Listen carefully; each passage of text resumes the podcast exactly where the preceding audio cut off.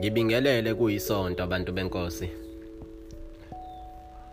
Njengoba kuyisonto nje ngithi ake ngikhulume ngenkolo. Ngikhulume ngenkolo. Ngazi kahle ukuthi baningi esizogejana nabo esisongatholisisani kahle ngale nkulumo engizoyithula namhlanje. Kodwa ke sengiyoyibambishisa. Ekugcineni kosuku iqiniso fanele likhulunywe njengoba linjalo. Singadukisi isizwe ngoba kubhlungu ukubuka isizwe siduka kalula nje kanjalo.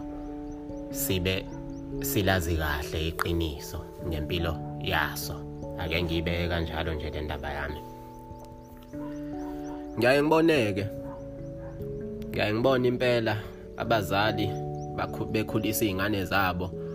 Ngesonto ukuthi njalo njalo ngesonto ingane efanele iye esontweni iya kwi-Sunday school iyofundiswa ngeBhayibheli. Awukwazi ukufundisa ingane encane uyiphilise ngenkolo yamaRoma or ngenkolo yeBhayibheli. Ngesizathu sokuthi leyo ngane ayikozitholi empilweni ukuthi yiwubani asikho isidingo sokuthi uyifundise ngalezo zinto. Ingane ifundise ngendlela yokuphila yasekhaya ungayifundisi indlela yokuphila yezizwe. Ngoba mozoyifundisa indlela yokuphila yezizwe izothi isindala ibe nenkinga ngoba izobe ingazilutho ngayo izobe ingazilutho ngemvelaphi yayo izobe ingazilutho ngempande yayo. Mina indaba yesonto ngiyaye ngithi mina isonto yinto yabantu asebezazi ukuthi bawobani asebezazi ukuthi bafunani empilweni. Hayi abantu abasafuna ukuzithola abasazama ukuthola ukuthi bona kahle kahle bawobani. Akusiyi indawo yokuzithola kuyona isonto ngoba manje lizokubamba kwizinto eziningi. Konke lokhu okusenza sibe ithina ngokuphelele sabantu abamnyama. iBhayibheli liyakuphikisa lithi akusikona. Lithi impilo yethu yusathane ngakho ke angikwazi awukwazi nawe mawami awukwazi nawe baba wami ukuthi ukhulisa ingane ngeBhayibheli ukhulisa ingane ngempilo yesonto uzothi uyifaka kuma Sunday school impela iyofunda laphayana ihlaliswe phansi ifundiswe ngeBhayibheli ngoba bayayilutha bayilutha umqondo. Izoba namalimithi amaningi kakhulu empilweni. Angeke ikwazi ukuqhwakela ngendlela ekufanele ngabe iqhwakela ngayo empilweni. uNkulunkulu uNkulunkulu uyedwa uNkulunkulu okuyena mdali wezulu nomhlaba. Okuyena owakha konke okusemhlabeni. uNkulunkulu futhi ngenkathi akha umhlaba. Akashongo ukuthi lokhiyana kubi lokhiyana kuhle. uNkulunkulu wakha umhlaba nathi wasenza saba yilunga lawo lowo mhlaba wathi asenze ekumele sikwenze ukuze siqhube impilo iqhubekele phambili. Manje bengabe thina sisoba nezinkolo ezisivimbayo ezisibambayo ukuthi sikhule ngokomoya siba nenkinga ngoba siqhwakeli. Asikwazi ukuba yilabantu esinesifiso sokuthi sibe yibona ngolunye usuku. uNkulunkulu uyakwazi ukuthi umdumise egcekeni lakho uwedwa. Uthandaze lapha egcekeni lakho uwedwa ubiza uNkulunkulu akuzwe asabele. Asikho isidingo sokuthi uNkulunkulu uyoxhumana naye endaweni yabantu abaningi ngoba basuyoxhumana noNkulunkulu endaweni yabantu abaningi. Ukuxhumana kwakho noNkulunkulu sekuzophazanyiswa imimoya eminingi kakhulu ngoba esontweni. Miningi imimoya esesontweni.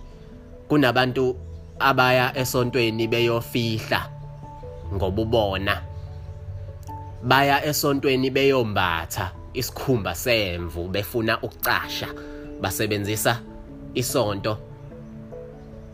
Njengehawu labo or ngathi njengemask yabo ukuthi bangabonakali ukuthi kahle kahle bawobani mina ngikhule ngikhulele egcekeni lenyanga mina uma wami ube inyanga ube lapho uma wami uma wami akakaze angivuse ekseni yathi fanele ngiye esontweni angikaze ngithethiselwe ukuthi fanele ngiye esontweni. Uma wami ubehlezi esho njalo ethi yena angeke azalibeke esontweni. Angeke azangene esontweni ngesizathu esisodwa. Ngesizathu sokuthi labantu abaya esontweni abathi bamdumisa kakhulu uNkulunkulu esontweni ibona laba bamaphiqiphiqi abenza konke okubi emhlabeni bayathakatha bebesebenzisa umuthi bazokuthi fanele bawusebenzise bebezoyenza okubi kuphela. Bayathakatha bayahleba bayabopha. Uma wami ke wangitshena kahle wathi yena ngeyazi alibhade esontweni uma wami ubehamba isonto lephasika kuphela ngoba ubencengwa umfundisi ngasekhaya. Umfundisi udeke isonto lezayoni langasekhaya ngapha emzinto lengidabuka khona. Ubeya kulelo sonto ngephasika kuphela ngoba futhi kuyinkonzo yomphakathi naye ngoba wayeyilunga lomphakathi. Kodwa wayengeve eye enkonzweni ngoba ethi yena uyodumisa uNkulunkulu ngoba uNkulunkulu udunyiswa noma ikuphi uNkulunkulu. Okunye ke enginesifiso sokuthi sikwazi ngoNkulunkulu ukuthi uNkulunkulu umdali wezulu nomhlaba uNkulunkulu njengoba ewumdali wezulu nomhlaba wakha izinto ezikhulumayo nezinto ezingakhulumi wakha izinto eziphefumulayo nezinto ezingaphefumuli. Besikhuluma ngezinto eziphefumulayo ke sikhuluma ngezilwane eh nabantu. Nathi sabantu ke ngisho ukuthi siyilwane. Eh njengoba ke uNkulunkulu akha abantu nezilwane imphefumulo yonke leyo. Okuwukuthi ke njengoba akha lezo zinto kuNkulunkulu nginesifiso sokuthi nazi ukuthi uNkulunkulu wokuqala ake ngithi uNkulunkulu wasemhlabeni uNkulunkulu wakho wasemhlabeni abazali bakho uma wakho nobaba wakho. Abalandela uma wakho nobaba wakho ugogo wakho nomkhulu wakho. Kube khona abalandela ugogo nomkhulu kanjalo kanjalo size sifike kumdali wezulu nomhlaba owadala bonke labantu laba behistory yomndeni wakho sesikhuluma ngawe uma wakho ubaba wakho ugogo wakho umkhulu wakho ugogo kamkhulu wakho okhokho nokhokho okhokho bokhokho bokhokho bokhokho. Okuwukuthi ke kubalekile ukuthi uzifundise ukuxhumana nabo labantu laba ngoba angeke kube lula ukuxhumana noNkulunkulu umdali wezulu nomhlaba. Wena uhluleka ukuxhumana nemimoya yabantu bakina bebephila ubazi bephila ngokwenyama manje sebephila ngokomoya kuphela. Base uyitshena ukuthi wena uzokwazi ukuxhumana nomuntu ongakazi umbone umuntu ophila ngokomoya kuphela. uNkulunkulu umdali wezulu nomhlaba. Ukuze ukwazi ukuxhumana nomoya okuyiwona onamandla ngaphezulu kwayo yonke imimoya kuzomela ukwazi ukuxhumana nayo le mimoya le. Ezokukhuphula ikukhuphule kancane kancane igcine sikufikisa eduze nawo umoya omkhulu kunawo nakunayo yonke imimoya umoya kaNkuluNkulu. Okuwukuthi ke mawuthandaza ungakhohlwa ukubiza abantu bakini. Ucele kubona ukuthi bakuxhumanise noNkulunkulu. Imithandazo yakho nezifiso zakho zizwakale zifezeke. Ngoba uNkulunkulu basephendula imithandazo yakho uzoyiphendula ngabo labantu ibona bazobuyisa umyalezo kwena ingakho uzobaphupha. Bekutshena ukuthi kufanele kwenzakaleni or ifanele wenzeni or bakuxwayise ngengozi ethize ezayo. So kubalekile ukuthi sithi besicabanga inkolo. Sicabange ngendlela thina esikhuliswe ngayo ngendlela ogogo nomkhulu bethu abebephila ngayo. Ngoba lenkolo yamanje isidukisile kakhulu isilahlile yasilahlekisa. Asisazazi nathi uthi sobani. Sesambe singena siphuma izinto zakithi asisakwazi ukukholelwa kuzona ngendlela ekuyiyona yona. Besifika kwizinto zakithi abantu abaningi ukuthola ukuthi umuntu akakaze awusebenzise umuthi akakaze kulungisa umsamo ekhaya kaze lilungiswe igceke. Eh yena ukhule ngenkolo esontweni kuthandazwe egcekeni kungasetshenziswa umuthi. Kodwa manje izitha izitha zithandazi izitha izitha esinazo sinezitha eziningi kakhulu kunezitha ezisebenzisa umthandazo zikubize lapha emthandazweni zikucelele okubi kube khona izitha ezikushisela amakhandlela ziwagcobe ngezinto zawo zibe zikufungela lapha kumakhandlela awo. Kube khona izitha ezisebenzisa umuthi zihambe ziyochitha zifake izichitho ziyabulala zenza ukuthi zenza ukuthi wena mengabe uthi uphephele kumthandazo kuphela.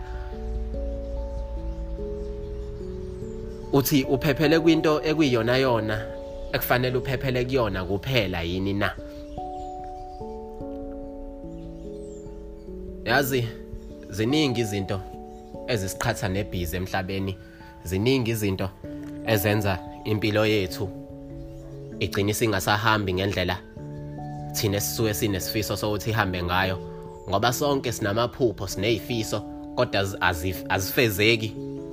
Azifezeki ngesizathu sokuthi thina sesalahla usiko sesalahla impande sesalahla imvelaphi yethu.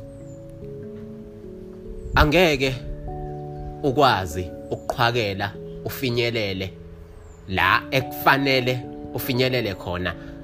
Ngicela ungizwe kahle ngithena la ekufanele ufinyelele khona not la othanda ukufinyelela khona. Ngoba ngikutshena iqiniso sonke siphethwe imimoya yethongo imimoya yedlozi.